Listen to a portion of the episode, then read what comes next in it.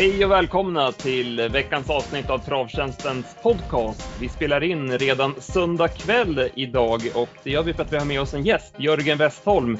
Tillbaka till podden, välkommen! Ja, tack så mycket. Kul att jag fick komma tillbaka. Jag trodde jag fick sparken senast. Nej, men det var... Nej, du, du... du gästade oss i slutet av december där. Då pratade vi lite grann om ditt succéår i fjol, lite träningsfilosofi och hur man spel, som spelare skulle tänka på när det då var skotvång. Eh, nu från imorgon tisdag så eh, är det ju barfota. Dags för det, eh, första mars. Så vi ska prata lite grann kring det, hur man ska tänka som spelare. Sen ska vi även gå igenom V75 Axevalla från i lördags bland annat. Eh, men innan vi börjar med det Jörgen så tänkte jag bara, det hände en grej i fredags på Romme Eh, där Ara blev nedflyttad. Eh, etta i mål men nedflyttad som tvåa. Jag såg att du twittrade om det där efteråt. Du var lite upprörd att domarfilmen inte visades på ATG Live. Nej, upprörd var jag inte. Jag tycker väl bara att det är extremt dåligt med tanke på att vi sitter och tittar på ATG live allihopa. Ingen, jag är ganska initierad travtittare och ni också. Ni kan inte se varför hästen blir nedflyttad. Jag tycker att vi måste ha en teknikbit med oss som kan visa domarfilmen vad domaren dömer utav. Så att folk frågar mig vad jag tycker. Jag kan inte uttala mig i fallet för jag har inte sett domarfilmen. Domaren har ju dömt bort hästen och flyttat ner den till en andra plats. Det var på dagens dubbel och det var V64 extremt mycket pengar som omsätts. Och de som är spelare måste vi verkligen vara rädda om och förklara om att ja, det var här vi dömde på. Jag tycker att det var fel från kanalen också. De ska ju ta en intervju med måldomarna i det här fallet, gå och be kan vi få se några bilder på det här och förklara vad du har dömt på. Jag vill ju se bilderna och det tror jag ni också som är spelare. Ni måste väl tycka att det var lika konstigt att inte få se bilderna eller? Ja men det är klart och det var ju en väldigt konstig situation också. Som, jag, jag har ju bara tittat på den, precis samma bilder som du har sett. Det ja det är bara att titta i loppet. Ja det är bara att titta i lopparkivet. Mm. Ingen som ser det där kan ju förstå varför man blir nedflyttad och Nej. då måste jag kunna få twittra och ifrågasätta att ska inte tekniken 2022 kunna visa oss, vi omsätter så mycket pengar, då får man väl bara ta och lägga ut den på, ja då får man väl skicka den via på telefon ner till till studion i Stockholm så de kan lägga ja. ut det liksom om inte tekniken räcker till. Men man kan inte behandla ett spelarna på det viset. Plus att jag som tränare och ägaren var ytterst konfunderad. Liksom, man måste nog vara räddare om de kunderna vi har i sporten tycker jag. Mm. Ja, det var märkligt. Jag var inne och läste på ST resultatlistan. Då brukar de ju skriva ut, eh, ja men den fick böter för att den gjorde det här 550 meter från mål och så vidare. Ja. Men, men när jag gick in och läste det här loppet, då stod det bara att Ara blev nedflyttad från första placering till andra placering på grund av trängning som påverkade resultatordningen. Det står ingenting om när eller hur. Det var lite märkligt tycker jag. Och jag pratade med Mats Ljus efteråt och han var ju inte glad om man säger så. Hur såg det ut på filmen då? Så Filmen vill du inte se, sa han. Så att, ja, då, då, ja, det, nej, det var, jag, jag, jag kommer ju absolut kräva fram filmen till veckan. Det kommer jag, sen kommer jag lägga ut det på mina sociala medier. Jag tycker att eh, vi måste vara så transparenta så alla ser vad vi dömer på. Ja, det, det är ju andra sporter. Jag menar, jag tittar ju en del fotboll och det, det får man ju jättemycket bilder och alla de här VAR-situationerna. Man blir ju bara pumpad med det så man fattar ju på millimetern varenda domslut. Alltså, så att det, Jo, med den tekniken nu är det bara att skicka filmer. Det går väl att filma med mobiltelefon på deras. Mm. Så skicka över det till studion. Så att vi, nej, det får nog kanalen snäppa upp sig. På den budgeten de har ska de klara av det här. Mm. Det känns som att det här med domarnivån och reglementet och, och, allt det här. Det återkommer hela tiden diskussioner kring det här tveksamma domslut och så vidare. Hur, har du märkt någonting av det Jörgen? Att men det här vet ju inte vi om det var ett tveksamt domslut. Det kan vi ju inte säga som att det är deras film. Just i det här fallet kan jag inte uttala mig det, om det. Och Rent allmänt det, bara tänker Ja. Det spelar väl ingen roll vilken sport man håller på med så tycker man ju alltid att domarna fel. Man har ju aldrig gjort fel själv men ibland kan man ju faktiskt erkänna att man har gjort fel. Men om jag tittar på reprisen ibland, om jag har kört snävt eller om jag har gjort en drivning så tittar jag på reprisen. Ah, det där var inte, såg inte bra ut men just i situationen kanske man upplever att det inte var någon fara. Men när jag inte får se filmen så kan jag inte uttala mig i det här fallet. Och, ja, vara domare är inte lätt det heller, men vi har ju faktiskt kamerateknik som vi kan ta hjälp av och ja, mm. ja, det spelar ingen roll vad jag säger om domare. Ni tycker också att det finns bra och dåliga domare. Är man friad är det en jävla bra domare. Är man fälld är en jävla dålig domare. Så, så är det alltid. Ja.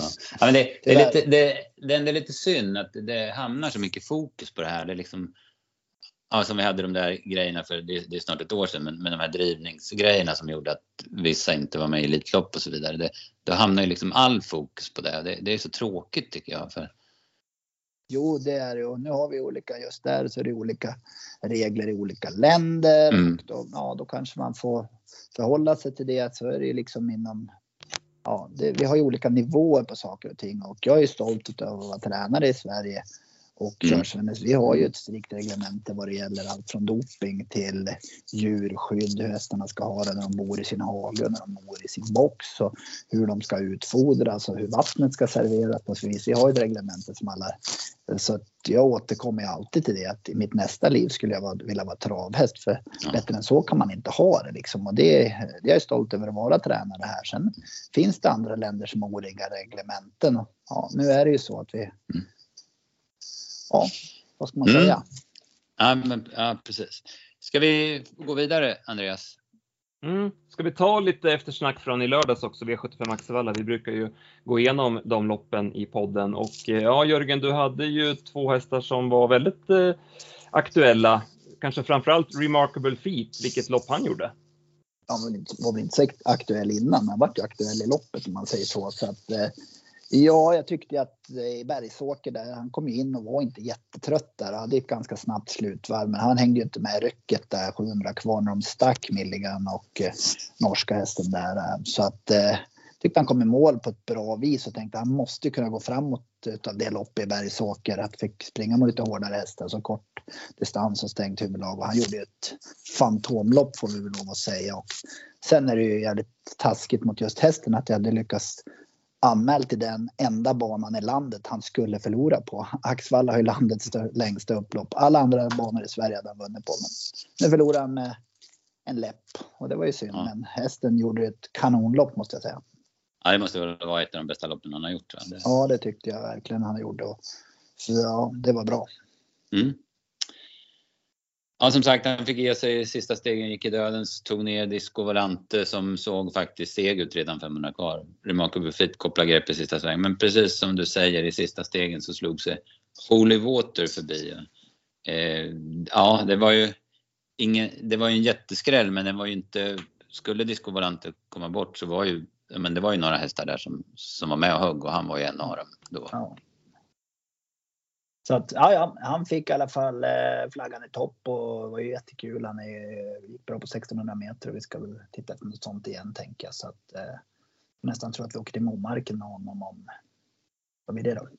Den ja, det är 19, 19, 19 ja precis. Ja, mm. så har de där lite större sprintlopp där så prova nog det. Sen fick den andra plats i avslutningen också med Fenix Brick. Eh, såg väldigt fin ut. Kändes som att han var lite rakare än vad han brukar vara, eller? Ja, värmningsbilderna var ju ruggigt bra. Hade ju bra träning på honom och tyckte väl att jag hade varnat för honom i tipsen också. Och, eh, sen kanske var loppavgörande tusen kvar där ungefär. Om Jorma går före där så tror jag att han hade absolut varit närmare i striden. Nu kom han ju bakom den hästen som vann i det läget och efter det första varvet där så när han satt hemma och tittade så vart man ju verkligen uppe i varv när det första varvet var. Jag tyckte att Fenix hade varit bra inför det här och eh, han gillar ju inte att gå ut i spåren. Det vart i tredje och lite fjärde nästan och då springer han ju och bryter. Så fort han kommer ner på innerspåret så blir han ju rak. Men han blir rakare och rakare för varje lopp och har haft en väldigt fin trend där sista tre loppen. Han har sprungit in 265 000 och eh, det är bra och nu är han klar för finalen den 26 så det var bra. Men man vill ju alltid vinna men det fanns många ljusglimtar runt den hästen tycker jag och framförallt utvecklingskurvan är fortsatt bra. Mm. Ja, det är inte så länge sedan du vann ett lopp på Romme med honom, och, och du, eller om det var Rättvik, och du vill verkligen påpeka hur bra det var att han kom ner på innerspår i sista svängen. Så nu går han i, i fjärde runt sista sväng och funkar Ja, nej, det är en jättestor och rejäl häst och har ju liksom fortfarande liksom, det känns lite som han är en kalv på grönbete än så länge. Så han kan fortfarande utvecklas den där hästen så att han kan nog springa i brons också så får vi se hur långt det räcker. Men kul utveckling och ja, bra facit sista tre starterna så det var man ju alltid nöjd med. Mm. Blir det något fler lopp för honom innan finalen? Nej, jag vill ladda bara för han går ju bra när han fått lite paus emellan också. Han var ju väldigt bra där i finalen efter sex veckors vila sen Umeå-vinsten där när han var uppe och vann på isbanan där. Så att jag vill ladda bara för finalen. Det är ju, gäller att vara på topp då. Mm. Och en ruskigt bra vinnare i det här loppet. Best of Dream Trio som gjorde Sverigedebut. Galopperade ja. och sen tre spår stora delar av sista varvet och sen som han ser ut sista hundra. Det var, det var jäkla intryck på den. Ja, det var riktigt, riktigt. Det var sjukt bra häst så att eh, vi kanske inte hade vunnit om vi gått före heller, men det hade i alla fall varit, kanske blivit en match. Men den såg mm. häftig ut måste jag säga. Mm. Den, den hade eh, skakat ur tussarna innan start. Tänkte ni på det eller? Nej, jag följde inte under live så att säga. Jag såg efterhand. Så, nej. Ja, men det syns även på reprisen. ja, ja, ja, okay. ja, de brukar vara stora ja. tussarna. Ja, han var jätte, det var ju väldigt. Det kanske var därför han galopperade från start. Ja. Jag vet inte det mycket hur mycket han galopperar. Han måste ha galopperat ganska länge. Det måste ha varit kampboll på diskning på den där tycker ja. jag. man såg inte han i bild heller och uh, han, ja, så att det var väl var, han hoppat länge i alla fall. Man kanske inte tappat så mycket men han gick otroligt bra i alla fall. Det var en häftig häst. Mm. Loppet var det annars ganska förryckt i och med att eh, Gordon Brodde blev så het och varv, öppna åtta första fem och varva på tio. Det, det, det blir väldigt speciella lopp, men det var ju bra för, för er då, eller för din häst och Best of Trio. Ja. Best of Dream Trio som satt sist. Då. Ja, två, två andra platser på V7. Jättegod, det är klart godkänt, men som sagt, man vill ju vinna. Mm, såklart. Ja, vi var ju eh, besvikna här på, vi trodde på Vårups Tornado, eh, trodde vi stenhårt på, men han var ju inte alls så bra som vi hade hoppats. Nej, nej, nej precis. Det, var... det är så med hästar. Men ja. sen hade jag kvällen innan hade jag ju två, båda de dagens dubbelloppen, alltså var de tvåa, tvåa, Gitandi Tucci vann, Ara vann, vart nedflyttad. Så det var fyra andra platser där på ett dygn som var så här bra prestationer. Men ja, ja. Second mm. place is the first loser. Ja, precis. Och så tänker du väl på Hula Hula Sisu där också som det inte löste sig för. Nej, Galopperande hästar framför hela tiden. Känns. Det vart helt fel. Men hon ja. hade ju tredje invändigt och hade väl kanske lite dåliga ryggar hon satt i. Men hon hade kunnat tjäna lite pengar. Men ja, ja. Hästarna mm. är de, de är i ordning så vi kommer vinna loppen sen. Så, men så är det. Mm. Ska vi ta någonting mer om omgången? Vi spikar ju förutom eh, Borups och så spikar vi ju Adlon Amok på det första systemet. Den var väl inte, den var inte heller så bra, även om det varit lite vingel där han fick så många ryggar, men den var inte heller något bett i avslutningen där. Nej, det var ingen stallkörning i alla fall. Nej, släppte inte ledning. Nej, Erik tog ledningen med Rocket Boy och sen tog Oskar det lugnt från början och sen avlöste de varandra. Eh, det var ju en ruggig avslutning här av Darlington Fame. Jag kollade på det ATG X-Labs. Hon var ju snabbast på hela dagen, sista 200. Mm. Eh, Jörgen, är det, är det där någonting du tittar på? De här eh, positioneringssystemets tiderna? Är det någonting? Nej, men jag brukar få ägare som skickar till men deras hästar är nämnda där så då är de ju glada. Det är många som tittar på det verkar det som. Men ja, jag har väl inte, är väl inte någon som tittar på det riktigt. Och just det där loppen ni pratade om såg jag inte heller så att jag kan inte uttala mig. Så att mm. jag tittar bara på mina egna lopp igår. Men eh, mm. det är väl kul att se. Så att sen om det stämmer eller inte. Jag hade någon, någon gång som jag känner nog att den hästen kan inte ha sprungit så fort som någonstans var mätegenskaperna lite fel. Men det är i alla mm. fall det är lika på upploppet för allihopa just på den banan. Men ibland så känns det som lite väl snabba noteringar tycker jag. Ja. ja. det var en känslosam seger för Per-Emil Henriksson. En, ena ägaren hade gått bort där i början av veckan. Och, eh, ja, så ja. Man, gläd, man gläddes lite extra med kretsen kring hästen. Mm. Jäkla utveckling på den hästen också, som, som hon har gått nu på slut. Ja, ja jag, jag känner Per-Emil lite grann. Jag såg inte det igår, men jag var nere och besökte honom för inte så länge sedan. Och han har byggt upp en jättefin gård där nere och hade ju Victoria Fame som var bra där. Och, eh, han är nog en upcomer, det tror jag absolut. Han är extremt duktig hovslagare och har koll på mycket så att han håller nog på att bygga upp flera hästar som kan bli så där bra. Så att, duktig hästkille tycker jag det verkar vara. Mm. Tog ner en mm. tapper Hobart eh, som ju gjorde jobbet utvändigt. Eh, det var tufft för de som gick i ledningen. Det var ju Axevallas utslagsgivande upplopp blev långt för de flesta. Bland annat favoriten Four Guys Stream där Unico Broline ja. enkelt plockade ner honom. Ja, precis. Unico Broline har ju också utvecklats enormt. Han är ju, ja, men han är ju riktigt bra nu och det vart ju väldigt lätt sista biten. Så att, eh, lång distans och långt upplopp var inte så bra för Four Guys Dream den här gången. Annars brukar han trivas på Axevalla men då har han ju oftast gått bakifrån. Sofie Aronsson tog en dubbel, vann ju även eh, storloppet med Nina Ginto, så hon hade ställt i ordning inför hemmapubliken. Ja, kan man säga. Var ju stenbra de, de två hästarna, absolut. Eh, vi hade ju lite skrällfeeling för Bahama Passion där, men hon eh, ja, hade ju ett svårt läge och hamnade för långt bak. Men det var ingen som missade hennes avslutning. Det var ju den stora nästa gångaren från, från det loppet. Mm, ja, precis. Ja, det var en bra årsdebut. Absolut. Från de andra loppen, PA? Bismarck Comrie vann från utvändigt. Ja, häftig sista biten där va, när han eh, slog klorna i Perry Jubo. Det var, det var starkt gjort. Det var en bra prestation där. Och jag gillar Ika Nurmunen. Jag tycker hans hästar är fina. Jag, jag, det är en tränare som jag fastnar lite grann för. Ja, det har jag sett också. Det är bra tryck i hans hästar och verkar ju gå hela vägen. Och han är rätt vass kusk och få fart på dem också tycker jag. Mm, mm.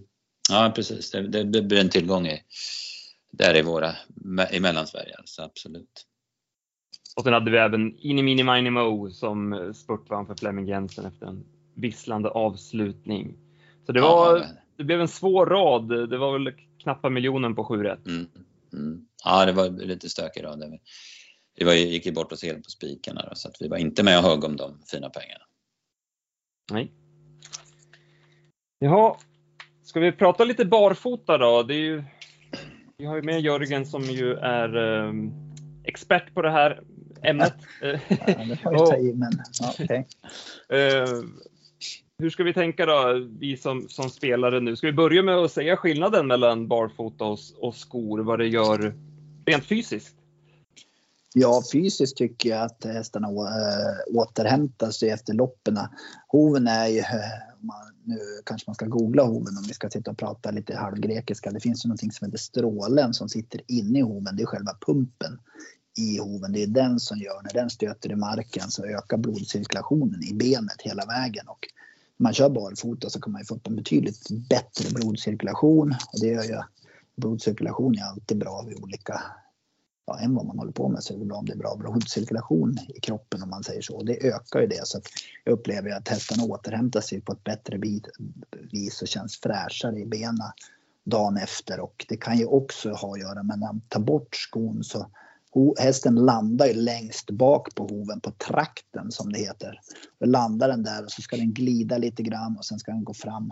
Och så vänder den och tar med sig gruset under hoven och man ökar glidförmågan betydligt när man kör barfota. Så man får ju ett lite, lite längre steg och jag tycker att det är skonsammare för hela hästen när du glider kontra när hoven om du springer själv och du vet att du kan glida lite än att det blir helt stumt när det slår emot så får man ju lite ont i benhinnor och dylikt. Men när hoven får chansen att glida så mår ju hästen Eh, bättre utav glidet och sen får man ihop en bättre blodcirkulation med tanke på att strålen ökar.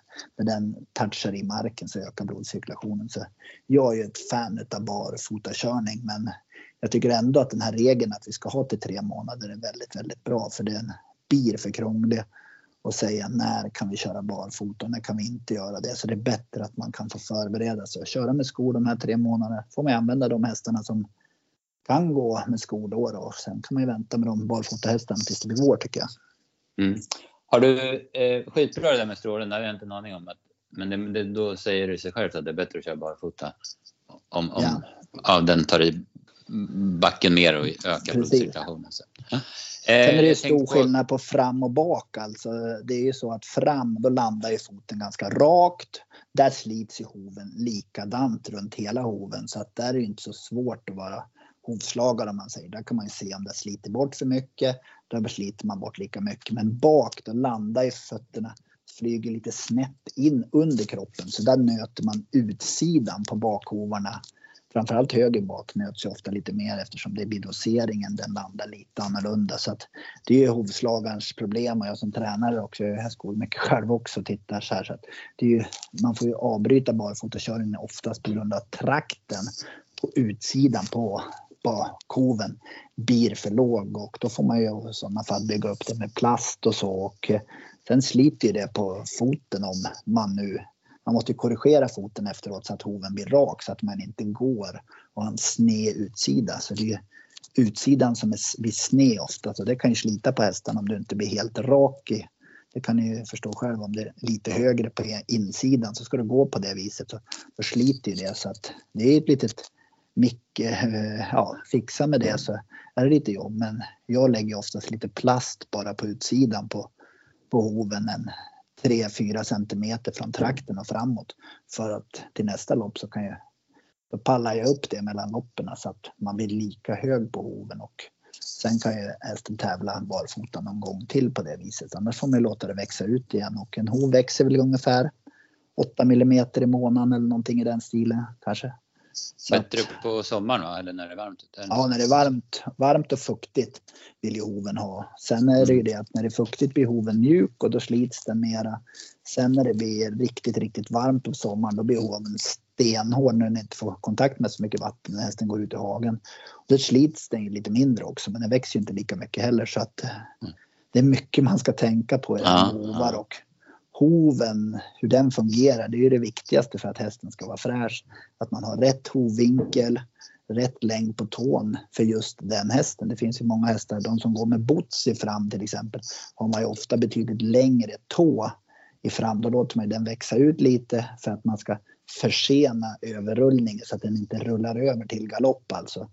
Om man har en lång fot så tar det längre tid. Den landar på trakten, sen går han ner på foten och sen ska han vända runt ju längre hov du har då, desto längre tid tar det för hoven att vara i backen och då gör det att den inte rullar över till galopp. Sen är det sådana hästar som springer och slår ihop. Man kan ju se ofta när de springer och skuttar liksom. Det ser ut som att de har för trångt eh, under sig. Då försöker man kapa av framtån, slipa bort den och då är det ofta att man har skor bak för att bromsa baksteget och så barfota fram så att hästen får mer plats, alltså inte touchar i varans. Så man inte krockar framben, bakben om man säger så. Så det är många saker man kan tänka på i de där lägena. Mm, ja, precis. Skor, har du förberett de här hästarna som, som är barfota hästar, har du förberett dem någonting nu senaste veckorna med skoning eller sådär? Ja, man verkar ju inte så mycket. Den här säger man liksom, den här ska vi köra barfota med i mars. Nu är det inte alls säkert. Det kan ju bli i början på mars och framåt kan det ju vara snö och is i banan ja, ja. i alla fall. Men om det är tillåtet så man kan ju säga att vi verkar ju inte. Normalt sett så skor man hästen var femte, var sjätte vecka. Då tar man ju en, en kniv och hugger bort det. Som det är som man klipper naglarna på sig själv. Tar man bort skiten som har vuxit ut och så här tar man bort och snyggar till. Men just då sista månaden fram till barfotasläppet då verkar man inte den foten för man verkar aldrig en hov ta bort saker och ting. Det är ju tanken att man sliter bort det naturligt och när man mm. sliter bort det naturligt gör ju också att hoven blir lite, lite starkare så att eh, det är sånt man tittar på att eh, ja, den här verkar vi ingenting, den ska vi köra i mars med. Så det är sånt som jag vägt in. Mm. Blir det ett problem då när det är på, på fryser på tävlingsdagen eller dagen innan och, och du inte kan köra barfota? Liksom hämmar ja, då kan, det, då? då kan det ju bli att man har lite för långa fötter när man ser mm. oj då måste skoren här. Och då blir man ju oftast tvungen att, man vill ju helst inte verka en häst dagarna innan. Sen byter man ju Nej. skor. Vi byter ju ofta skor från kanske tunga skor till lätta skor. Det kan man göra samma dag man tävlar. Mm. Man sätter på liksom Nike Air om man säger. Liksom. Mm. Det ska ja, vara precis. lite studs från gummistövlar så byter man och sätter på det.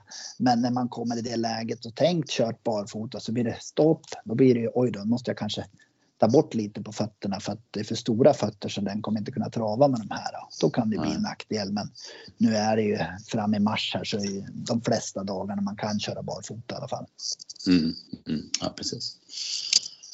Ja, Nej, jag kanske var, kanske var för mycket grekiska där, men jag försöker i alla fall förklara det på något vis. Så har ni någon ja. fråga där utav er så passa på där. För det här är ju ett ganska stort område, men jag eh, googlade bara hov häst så att man kan ju faktiskt gå in där själv och titta så finns det ganska fina ritningar på vad trakten sitter, vad strålen är för någonting och kan man kanske förstå lite bättre vad man pratar om för det här är ju mm grekiska om man inte har hållit upp en hov Så att, Nej, men precis. Men det, där kan man ju se också hovben, man läser om hovbensfrakturer och sånt där. Så kan man ju se lite hur hoven fungerar på förvis. För hoven är ju en ytterst viktig del i hästen. Hjärta och lungor är väl de viktigaste. Sen kommer väl hoven som nästa. Nästa har man inget hjärtat i ordning eller lungorna i ordning, det går ju inte alls. Men fungerar inte hovarna heller så funkar inte hästen heller. Nej. Hur, hur, jag vet ju, ja men förr när jag höll på mer med hästar och så där, då, då, var det en del hästar som hade väldigt dåliga hovar. Men det känns inte som det pratas lika mycket om. Har de blivit bättre generellt tycker du? Eller? Ja, det har de nog blivit. Och eh, sen har vi väl lärt oss hantera hovar mycket bättre med fukt och så. Jag har ju inga problem med mina hovar eftersom mina hästar går ute så extremt mycket. Det är ju hästar som kan stå inne i stall i för torr miljö man ska absolut inte ha torr miljö för då torkar ju hovarna. Då kommer ju hovsprickor som jag peppar peppar har inga problem med hovsprickor på mm. mina hästar och dylikt med tanke på att de får fukt som är Ja, hästen ska ju alltid ha fukt runt sina fötter alltså. Sen ska den inte stå i djupt vatten om man säger så hela tiden. Den ska ju ha så det fuktar i och man har ju lärt sig Framförallt har man väl lärt sig verka fötterna lite mer och sen tror jag genetiskt också att sådana hästar med dåliga hovar har inte lyckats nedärvt så bra i aveln och så. Så det har nog över tid också försvunnit att hästar som har bra hovar blir också bra tävlingshästar. Mm. Ja, precis. Om man ska tänka lite generellt och generella råd till spelarna nu då när vi går från skor till barfota. Eh, barfota fram, barfota bak, barfota runt om. Eh, du nämnde där barfota fram, att det kan vara en fördel för hästar som har lite dålig, ja, dålig teknik, eh, lite lätt för att slå ihop ja. och sådär. Ja. Men sen är det för spelarnas del så nu börjar det väl liksom från banorna torkar upp så är det väl de som tar spets och de som har springer barfota första gången för säsongen och så. Det blir ju en riktig jävla boost i dem. Så det är inte lätt att slå dem så att nu får man ju tänka ännu mer att vilka är i pole position efter 500 meter. Någon av dem är ju som vinner loppen tror jag alltså. Det är ju liksom höst och vinter så kan det ju bli förändringar och så. Om man säger så att hemmahästar kan vinna från dåliga lägen. Men just nu så under framförallt så från kanske ja, när banorna torkar upp hela april och sen fram till mitten på maj. Men sen tycker jag att hästarna, loppen går ju så extremt fort och sen blir de ju lite, lite tagna av att det går så fort så att det lugnar ju upp sig från när de har fått gjort några sådana här uh, ruscher i loppen om man säger så. Så lugnar det sig sen lite fram på sommaren tycker jag. Så att, men det är våren som är hästarna blir glada, de tappar vinterpälsen, man rycker av dem skorna och lite så här så att ja, de blir väl också glada av våren så de överpresterar ju lite då. Mm, ja, verkligen. Det är då man kan se de här som du säger som bara ruschar undan. Alltså. Ja, som inte Men... går att slå med tanke på att ja, man har bra läge och startsnabb så då blir det bra resultat också. Mm. Men det här kontra barfota fram eller barfota bak, vad går du mest liksom igång? Vad, vad ger mest effekt tycker du? Alltså om man ska tänka generellt på en häst. Barfota bak tycker jag nog är det som ger bäst effekt. De som behöver mycket vikt på framfötterna, som man säger går med boots och lite tunga skor. Kan du ta av bakskorna, då kan du ta av väldigt mycket vikt i fram, för det kompenserar upp det liksom. Då eh, blir det lite annorlunda baksteg på hästarna, de glider lite bättre och eh, den vikten du kan ta av kan du ju du tar en baksko som väger si och så många gram så kan du gott och väl ta bort det fram om inte än, ännu mera där. Så då gör ju också att ju mer vikt man har i fram desto långsammare blir ofta en häst om man säger så. Man vill ju helst ha så lite som möjligt och det ska vara i rytm så att jag tror ju att största förändringen är när man rycker bakskorna. Sen kan det ju vara någon som, men vi ser ju inte så mycket sådana hästar längre som har platsproblem och springer och slår ihop och så. Det är ju inte, inte så många som är så längre. Nej. Är det, är, är det liksom barfota runt om då? Är det nästa steg eller kan det vara liksom lika bra? Ja, det är nästa steg. Det är ju liksom mm. som kan springa barfota runt om och man kan ta av skydden. Oftast kan man ju ta av skydd, knäkappor kan man ju ta av. Det kan ju vara en hämmande effekt med knä. Man drar ju åt en rem strax ovanför framknät då som kan ja, bromsa ja, utvecklingen i steget om man mm. säger så. Så mm. det kan man ju ta bort. Gamascher bak, bakbensskydd som man sätter, drar åt också ganska hårt runt bakbenen så att det, vet man väl själv, det friare man kan vara så ja. har man en häst som kan springa utan skydd och barfota runt om och så här så det blir ju frihetskänsla för dem. Och mm. Mm. Går det lätt så när man är ute och springer så blir man ju helt plötsligt lite bättre. Sen har jag, jag kanske inte upplevt det själv någon gång att det har gått lätt för mig när jag springer. Men, nej, precis. nej, men om man skulle råka ha en bra dag och känna oj vad bra det här går. Då blir man ju, tycker man att det är kul också. Ja, men så är det. Tar, man, tar man oftast av skydden då när man plockar skorna runt om? Inte oftast, för de har ju en benägenhet att slå sig lite i kurvorna. Touchar ofta i sig lite på insida vänster bak i kurvorna när de tränger ner lite så de slår sig lite på skenorna där. Så att oftast egentligen behöver man ju bara ha bakbent skydd på ett ben men då blir det lite vikt förändrad så man har ju på två ben då men det är där de touchar i som första stället. Och sen så är det ju de som går upp och touchar sig på insidorna på framknäna. Då är det ju motsatt hov när den vänder upp och vänder sig lite inåt. Det gör man med inkorrekta hästar tåvida och dylikt. Och eh, så är du lite utåtåad kan man säga. Då vänder ju hoven på ett annat vis. Då touchar ju den i sig. De, det är väl vänster framknä insida de kan slå sig i svängarna när de hänger ner lite grann och har huvudet ut till höger. Mm. De flesta hästar har ju huvudet lite ut till höger i kurvorna. Ja, precis. Jättebra. Ja. Har vi lärt oss en hel del, eller vad säger du P? Ja, verkligen. Ja, verkligen. Det här var jättespännande, det måste jag säga. Kul, kul. Ja, jag, trodde ni, jag, trodde ni, jag trodde ni kunde allting. Jag kände att jag blev överflödig. Men det var trevligt att höra att ni ah, tar till er. Ja, det är väl lite, lite hum, men inte, som, som ja. inte allt. Alltså. Sen finns det ju andra som tar ni intervjuar någon annan nästa vecka och säger att den där fattar ju ingenting. Men Westholm, vad fan har satt där och surrat. Men det är ungefär ja. som jag upplever i alla fall. Och det ja. finns ju ingen facit på det här. Det är det som är så roligt. Jag håller på varje dag och tänker varför vart det så här liksom och tänker hur kan jag utveckla det här? Hur ska jag sko den här på för visa liksom? Det finns inget facit, men det här är väl liksom standarden jag har pratat om. Mm. Ja, precis. Eh, ska vi blicka framåt? Vi har V75 på Kalmar på lördag och då går det ju att köra. Då får man köra barfota och du har anmält två hästar och fick ju eh, jackpot i stort sett med Strong Heartbeat i den första V75-avdelningen. Ja, jättetrevligt. Jag hade spårsmygen här under våran sändning här så att jag varit ju väldigt glad över det när jag fick se hans spår. Han har tagit eh, starten på Åby han tagit på ett bra vis, nästan så man kan känna sig att han har flyttat sig även lite framåt utav den tycker jag att han känns, jag var inte helt nöjd när han travade till slut på Åby där. Mm. Han var, ja men Örjan sa att det var lugnt men jag, jag, tyckte inte det var helt perfekt men nu tycker jag att jag var ute och körde han idag innan han, det var ju, nej det känns bara bra så att och jag tycker att han ska utvecklas. Första starten var ingen tränad alls när han vann på Valla. Sen gick han framåt lite med det loppet även om jag inte var helt nöjd. Och nu tycker jag att han är lite bättre och det är en häst som jag ja, håller väldigt, väldigt högt. Framförallt kanske är det för att han är en extremt trevlig personlighet och den, när man jobbar med honom så får man, ja, vissa hästar har ju lite mer karisma och karaktär. Och nu tycker jag om alla mina hästar men just den här blir man liksom bara wow. Och han tycker det här mm. jobbet är kul liksom. Han tycker det är kul att gå på jobbet. Det spelar ingen roll om det regnar eller snöar. Han tycker det är kul ändå. Mm. Mm. Ja, så, och så sport 3, 2,6 volt, det tycker jag är passande.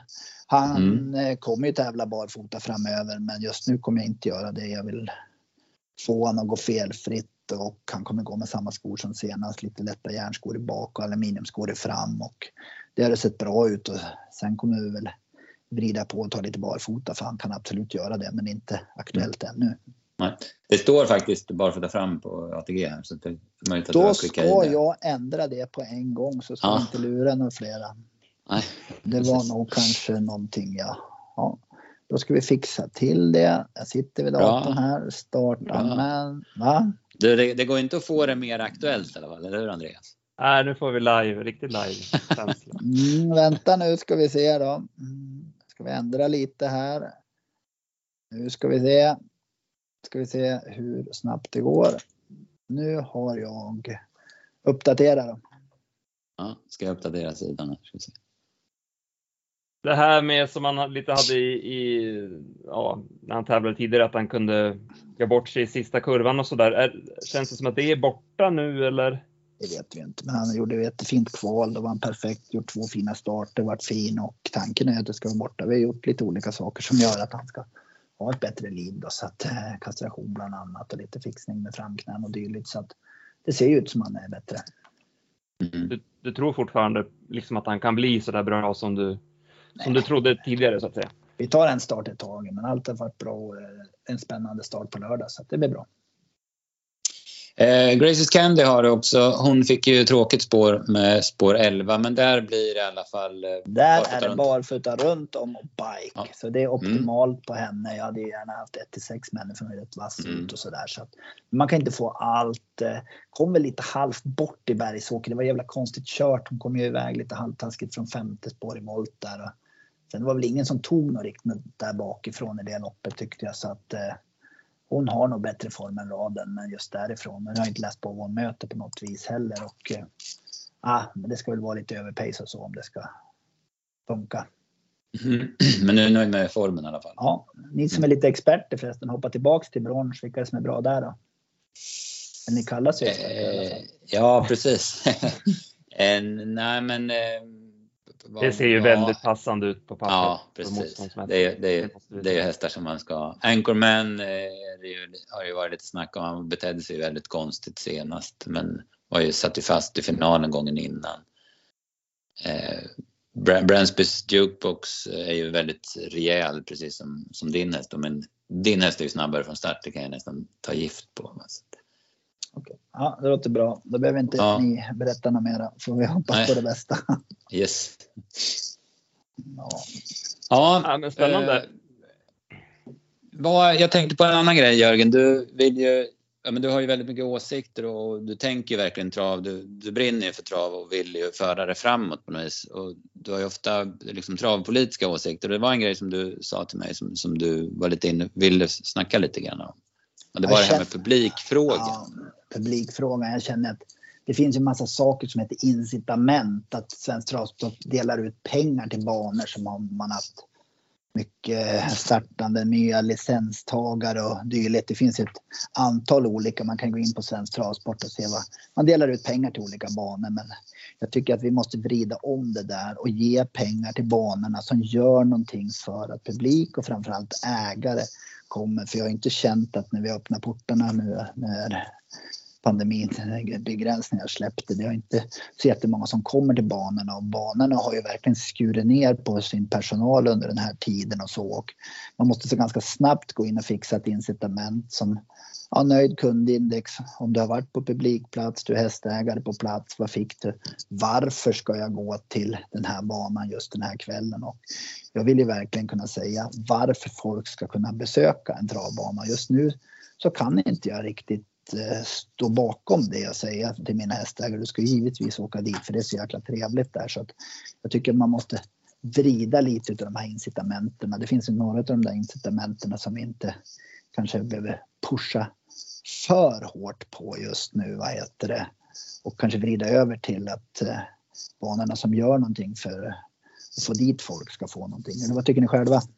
Ja, men jag håller med. Jag har varit på trav eh, ett par gånger efter eh, ja, restriktionerna hävdes och eh, det, det händer liksom ingenting. Det, det är jätte, jättelite folk. Det, jag var på en, en, en travbana, jag ska inte säga vart, vart det var, men det, det var det tre bord bokade på restaurangen och så satt det mm. fyra personer på läktaren. Det, det, var helt, ja, men det var begravningsbestämning. Nej, men det är ju så rakt av. Jag vill inte heller nämna någon bana för jag tror att alla sitter i samma sits. Mm. Man har försökt spart in, spart in, spart in, men nu kanske man måste få ST liksom att tänka lite snabbt ge vi några eh, idéer på att ja, men de som gör någonting. Ja, det måste ju finnas mätparametrar där också. Man kan inte räkna antal människor för det tror jag bara en massa fusk med. Jag skulle vilja ja. se att liksom var och sen säger man måste bygga. Jag är inte av den anledningen. Jag tror att man, om det blir 50 nya tv-apparater blir inget bättre. Jag tror inte man bygger trivsel. Jag tror man skapar trivsel och det är väl liksom där man måste gå in och skapa trivsel. Jag tror att vi får vara nöjda med det vi har men se till att ta hand om den, den som kommer och får en upplevelse där att men nu har vi inte någon som tar hand om dem rakt över skulle jag nog vilja säga. Det finns någon som är bättre vad jag upplever men jag är inte nöjd med det. Och det ah, nej, tycker jag ska hända någonting för att ja. Och det måste man ju försöka påverka tillsammans och någon hör kanske den här podden. Det kan ju vara någon i beslutande eller någon annan som snappar upp något så att de, vårt budskap är tillsammans hur vi tänker. För det finns ju aldrig någon från Hästsportens hus som hör av sig ut till oss aktiva och frågar oss hur upplever ni banor? Hur är det ute på banorna och så? Liksom, det finns ju inte så att, inte till mig i alla fall, men de kanske tycker att jag är otrevlig typ. Men jag kan ju berätta hur det känns för mig att komma till en bana. För mig är det så extremt viktigt att när en ägare har starthäst så vill jag så gärna att den kommer få känna upplevelsen. Men Känner han inte att det finns, ja, att det händer någonting på just den banan så det är inte säkert den kommer och då kanske det inte är säkert att den är hästägare i framtiden heller och då tycker jag det är tråkigt. Nej precis, det är ju jätteviktigt att odla hästägare så att säga. Det är ja. ja. bra. Det är kanske är något de ska ta med sig och kanske inte bara ha sportsliga grejer som incitament utan även mjuka värden också. Nej, det, det tror jag är viktigt för det finns många av de där incitamenten som man måste kunna byta incitament efter vägens gång tycker jag. Ja, det har man ju gjort för förut var det ju bara spelmässiga incitament och nu är det ju sportsliga. Så att, visst. Ja, men bra tankar. Eh, innan vi avslutar tänkte jag bara fråga. Jag satt och kollade igenom listorna till Solvalla på onsdag. Du har inte anmält några hästar dit och det är, det är inte så många som har gjort det. Det var väldigt få hästar i loppen. Ja, Vad beror det på Jörgen, att du inte Varken du eller flera, det är flera andra som inte anmält hästar till, till Solvalla. jag har mina åsikter om det, men det kan vi ta i nästa podd. Så att nu har jag inte mm. anmält här, men jag är väldigt flitig att anmäla till Solvalla, det måste jag väl säga. Och, eh, ah, vi tar det någon annan gång. Det var, var för lite hästar och det har varit under en väldigt, väldigt lång period. Och då måste man fundera vad man ska göra åt det. Men ja, jag tar inte det idag. Nej, Nej vi tar det. Då har vi en, en, om ett par månader igen. Så kör vi. Ja, det blir nog bra. ja, tack för att du var med. Bra. Tack ja, Jörgen. Kul att du ringde. Hej. Ja, super. Hej. Ja, men jättebra. Bra snack som vanligt med, med Jörgen. Ja, mycket, han har ju mycket idéer och, och ja, men han är, det, det är tänkvärt att prata med honom. Absolut. Ja. Ja, det är trist det här med att det är så få hästar i loppen alltså. Det mm, mm. Jag, som sagt, jag satt och gick igenom här. Ja, jag har listan framför När det är fyra, alltså, fyra, fyra hästar i lopp ett. Ja. Uh, åtta, sju hästar så i loppen. Det är ju, ja. Vad tror du att det beror på PO? Är det att det är hästbrist eller? Ja, li, många lopp, lite eller? så tror jag och sen Ja, det, sen, ja, färre hästar än det finns lopp. Alltså, jag, jag är ju helt inne på det här att man måste börja tänka om. Kan ju köra färre. Det är färre lunchtävlingar och det är färre lopp på luncherna så, att, så man är ju en bit på väg och de här lördagskvällarna eh, börjar ju på, de lägger man ju ut i andra länder så att vi inte har så mycket sådana svenska. Men jag tror man måste tänka ännu mer på det här. Men sen, det var väl, körde de inte 12 lopp, breddlopp på Eskilstuna idag tror jag och några av dem var ju knökfulla de loppen så där finns det ju hästar. Man måste försöka få också att man vill starta på lite, lite högre nivå med sina hästar. Känner jag som, som, som spelare i alla fall. Mm. Jättebra. Har du hunnit kolla någonting? Eh, har du några tidiga tankar? Ska vi, V86 ja. till exempel? Ja, jag, jag, tänkte inte säga det, men jag gör det i alla fall när du frågar om det. V86 8, där tror jag stenhårt på That's It. Jag den såg ju smällfin ut på V75 på Åby senast. Men det stämde ju inte någon gång för honom under loppet. Han var jättefin gången innan också då han kom på open stretch.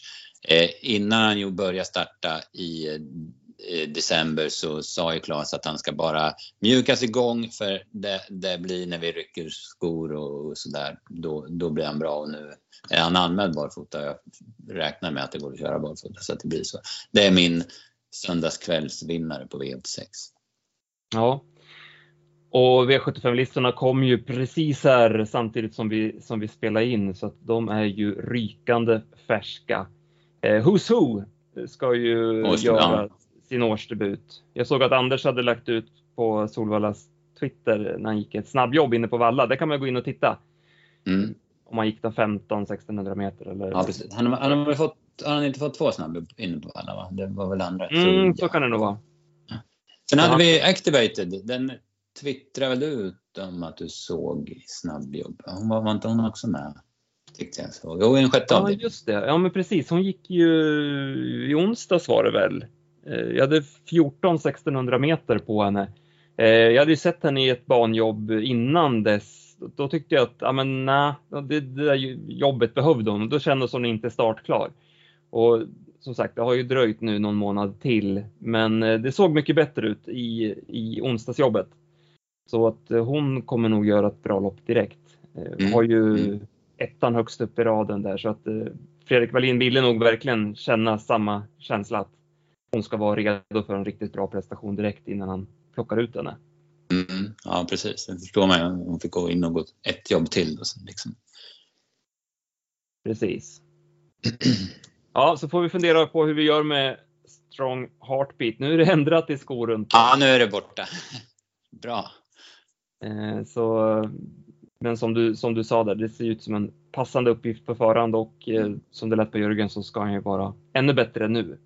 Ja, det var ju det man ville höra lite grann, att han, att han går framåt. För att även om han har vunnit så har det ju inte varit top notch på, på de prestationerna. Inte, han såg inte klockren ut, precis som han sa på Åby sist. Ja, det var rätt kurva. Mm. Ja, men ska vi nöja oss så för den här podden då? Det är som sagt, det blev lite uh, tidigare än vanligt. Uh, så mm. att, uh, men alltid intressant att lyssna på Jörgens tankar och spännande att se nu då när det börjar plockas skor på hästarna. Ja, ja precis. Det är ju häftigt och det börjar bli varmare och sådär. Ja, det är skitkul alltså. Bra, bra. Tack till er som har lyssnat så hörs vi